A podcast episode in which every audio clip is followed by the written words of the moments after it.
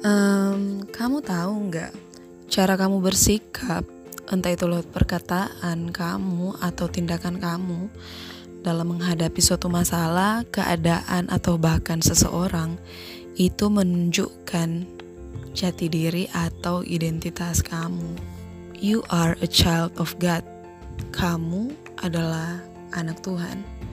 Seseorang yang benar-benar adalah anak Tuhan bukan sekedar status saja ya akan menyikapi segala sesuatu dalam hidupnya menurut firman Tuhan, menurut perkenanan Tuhan. Contohnya seperti ini. Dalam hidup ini pasti ada saja orang yang tidak suka dengan kita.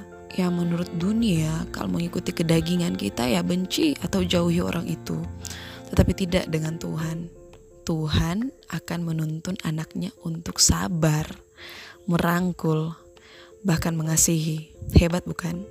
Ia akan menuntun anaknya untuk bersikap sesuai dengan firman-Nya. Identitas kamu adalah anak Tuhan.